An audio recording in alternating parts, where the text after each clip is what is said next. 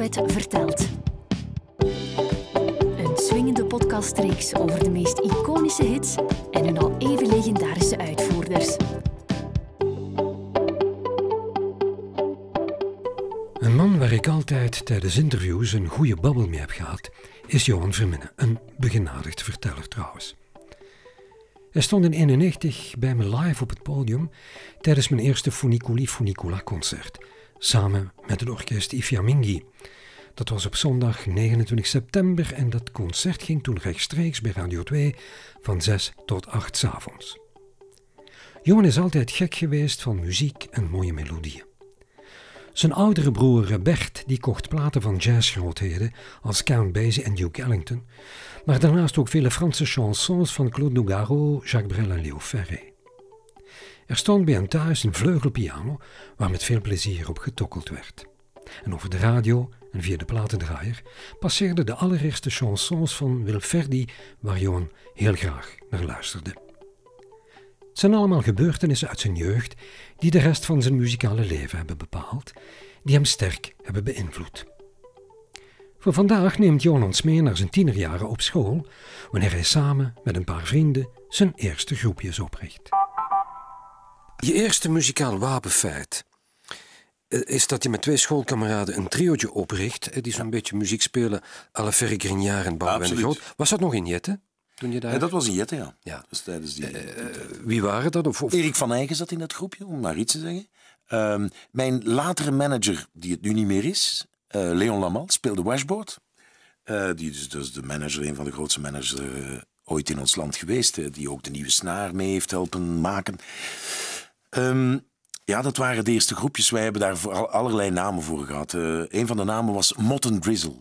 Wij dachten, als de Beatles de kevers mogen zijn, dan mogen wij de motregen zijn. Dan, eh, dat heeft ook nog een naam gehad, Jonathan's Ark. Hè? Enzovoort. Ik zong met een hoge hoed en dan zong ik bijvoorbeeld een liedje van eh, Fabien Collin, iets wat niemand weet. Geef me water, geef me brood, geef me liefde, anders ga ik dood. Ik ging van de muze naar de paddock, van de paddock naar de muze. Een vergeten zanger. Een vergeten zanger. En eh, liedjes van Verre. Waarom? Drie akkoorden, makkelijk te spelen op gitaar. Mi, la, si. En je was de wereldrijk.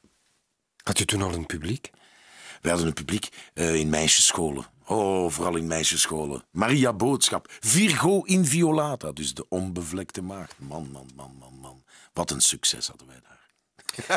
Zeg Johan, en dan stap je naar het conservatorium, hè, na je Grieks-Latijnse. Wanneer ben je gestopt? Poëzisch? In de poëzies, ja. Ja. Ik Mocht, ga naar het conservatorium. mocht eh, dat zo? hè? eh, ja, ze waren mij daar ook eigenlijk eerlijk gezegd liever kwijt. En ik wou eigenlijk naar de studio Herman Terling gaan. En ik kom daar terecht. Mijn broer, die, gaf, die overleden is, die gaf daar les. En die directeur zei tegen mij, het eerste jaar is het hier Grieks toneel, ga terug naar de Grieks-Latijnse. Maar dat wou ik niet meer. Dan ben ik mijn ingangsexamen aan het conservatorium gaan doen. En mijn leraar was Nan Buil. Had jij talent om te acteren? Nan Buil zei het eens, eh, ja, je gaat vooral heel sterk zijn in je eigen rol. Je houdt het daar maar één jaar uit. Ik Ook hou al- er maar één jaar uit. Weet je waarom? Ik wou er blijven.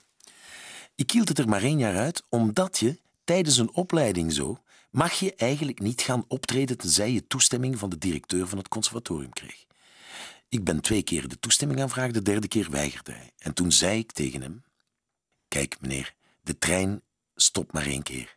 Straks rijdt hij voorbij. Ik ga erop stappen. En ik ben gaan zingen. In de zaal voor de mensen. Kreeg je er ook vocale opleiding in het conservatorium? Nee, je krijgt altijd vocale opleiding, want een acteur krijgt ook een vocale opleiding. Het is te zeggen, je, hebt, eh, je leert stemtechniek en noem maar op. Hè. Maar, maar zei daar dan niemand, dit is je ding? Eh, je bent daar altijd iets mee. Je leert veel over ademhaling bijvoorbeeld. Heel belangrijk hè, om te zingen, ademhaling. En om te spreken. Je leert ook dat je moet drinken. Oh, dat klinkt goed, hè? Om te spreken en te zingen. Vele mensen drinken te weinig water als ze zingen en spreken. Het eh, fameuze glas water van de spreker is heel belangrijk voor je stem. Bedankt voor de tip. Johan, nu komen we op bekend terrein. Ja. Denk ik toch. Een 69 is in jouw leven 69, belangrijk. ja. hè? Dan komt er die 1969. ontdekte sterwedstrijd, hè? Mark? Kwam je daar? Ja, dat is, eh, vrienden hadden mij ingeschreven. Dus en, eh, ik neem deel. En ik raak plots door die selecties. Kom in de Elisabethzaal, word laureaat. En die Toon Hermans, die zit daar toch wel niet in de jury zeker. En die zegt, jij gaat het ver brengen. zei. En dat vond ik fantastisch. Want ik was een bewonderaar van Toon Hermans. Achteraf hebben we nog contact gehad. Ik heb gezongen toen hij in de 70, op de 70ste verjaardag, denk ik, heb voor hem gespeeld. Je werd daar laureaat. Weet je nog met welke liedjes? Ja, met een liedje dat heette De Vagebond. Uh, dat was een Brussels volkslied. Mijn, mijn, vader zong dat soms. Wannes van der Velden heeft dat later opgenomen ook. Uh, en ik had een liedje gemaakt dat ik vergeten ben. De man over de heuveltop. Ik weet bij God niet meer hoe het gaat. En je weet, op de televisie veegden ze vroeger de banden af. Hè. Dus uh, zij herbruikten hun banden. Hè. De beeldband werd opnieuw gebruikt. Hè. Dus ze hebben daar geen document van. Spijtig, hè. Tegenwoordig dweep men met idolen. Hè. Idool ja. 2003. Jij was amper 18. Ja.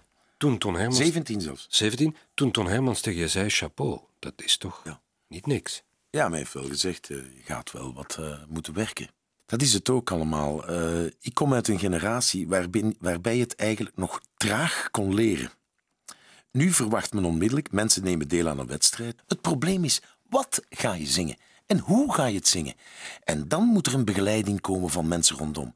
Terwijl ik heb kunnen groeien langzaamaan. Ik ben veel geholpen geweest. Uh, ik geef een voorbeeld.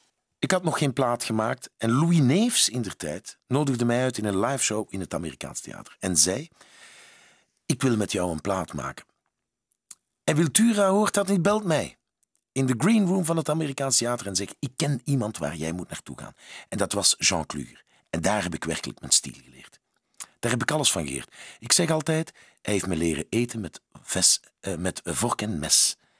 Hij heeft mij leren, geleerd hoe die stil in elkaar zit. Bijvoorbeeld, vele zangers en zangeressen die nu bij jou komen om een plaatje te presenteren, die weten niet eens hoe die plaat is opgenomen, want die hebben daar gewoon op gezongen. Die leerden mij alles. Die weten niet hoe het in de fabriek wordt gemaakt. Die weten niet wat een plaat mixen is. Die weten niet wat een plaat masteren is. Die weten niet wat een arrangement is. En dat heeft Jean Kluger mij allemaal geleerd. Hè. Wat had die man meer dan, dan je leraren en zo? Want het valt me toch op. Het was een praktische man. Ja, maar je zegt van die man, of je gaf hem toelating dat hij jou iets mocht leren. Absoluut, maar die man die bracht mij binnen in een wereld waar ik van droomde en die ik toch niet kende. En die stuurde mij het eerste jaar naar school bij Willy Albumor. Dus ik moest privéles volgen bij Willy Albumor. Een oude pianist, een van de grootste talenten ooit in de lichte muziek, in België ooit geweest. Willy Albumor. Willy de Moor. En wat leerde je van hem dan? Ik moest elke week komen met een nieuw liedje. En hij zei, dat trekt op niks en dat is tof. En zo, zo ging het. En zo heb ik het geleerd. En dan heb ik een plaat gemaakt, nog veel te vroeg. Je wil zo vlug mogelijk natuurlijk. Hè. Je Zei Jean dan niet ho, ho, ho? Ja, maar dat, daar heeft hij zich ook in vergist. Hij had ook nog iets moeten wachten, ja. Maar ja, hij wou misschien ook direct resultaat van geld dat hij investeerde in een jongen zoals ik. Ik maakte liedjes zoals een singer-songwriter. Nu, nu spreekt iedereen de mond vol van... Uh, dat is een singer-songwriter en uh, dat is een, iemand die gewoon interpreteert. En, uh, en dat is boysmuziek en dat is dancemuziek. Ik was een echte singer-songwriter eh, met mijn gitaartje. En dat gitaartje heb ik achterwege gelaten, zoals ik onlangs las in een interview met een belangrijke man, François Roubaix, die uh, bij Jacques Brel eigenlijk de eerste platen arrangeerde en zo. Die zei: Het belangrijkste moment van het succes van Jacques Brel was toen ik hem zijn gitaar liet weg. Toen hem zijn gitaar, toen ik hem zei: Je moet je gitaar wegdoen en je moet zingen. En toen is Jacques Brel met zijn hand beginnen zingen. En daarin was hij uniek. Maar iedereen stijl van achteroverval is als je zegt dat je bij Kluger 16 jaar lang blijft. 17 zelfs. 17, kijk eens. Nu val ik ook achterover. Ja. Eerlijk zijn, hè? Hm. Is er nooit een moment geweest dat je, zij of nu zegt, te lang? Ja, je zou kunnen zeggen te lang. Maar ik moet je eerlijk zeggen, de laatste jaren van die 17 jaar liet hij mij gewoon mijn gang gaan. Hè. Op dat moment kon ik mij geen grotere vrijheid permitteren. Dus misschien heeft Jean Kluger ooit gedacht: dit is een opvolger voor Biltura. En dat wou ik niet. Dus, en als hij dat gemerkt had dat ik dat niet wou, heeft hij me laten doen. Maar pas op, dat doe je geen 17 jaar over. Nee, nee, maar dat eerste vier jaar had hij gehoopt. Zeker na toen ik de hit maakte, laat me nu toch niet alleen. Toen dacht hij, ik heb een nieuw gouden, gouden kip in mijn huis. En dat is mijn analyse daarvan. En dan daarachter heeft hij gezegd, ach, laat die jongen maar doen. Je moet ook begrijpen, in die tijd, dat is een heel andere tijd dan nu, was er geen piraterij. Werd er niet gekopieerd en zij op een band, op een cassetje of op een. Maar dat had nooit diezelfde kwaliteit als de MP3's nu enzovoort. Hè. Uh, er was veel meer geld in de muziekbusiness. We maken op dit ogenblik vandaag een enorme crisis mee. Dus er is minder geld om jong talent langer de kans te geven. En toen was dat wel aanwezig.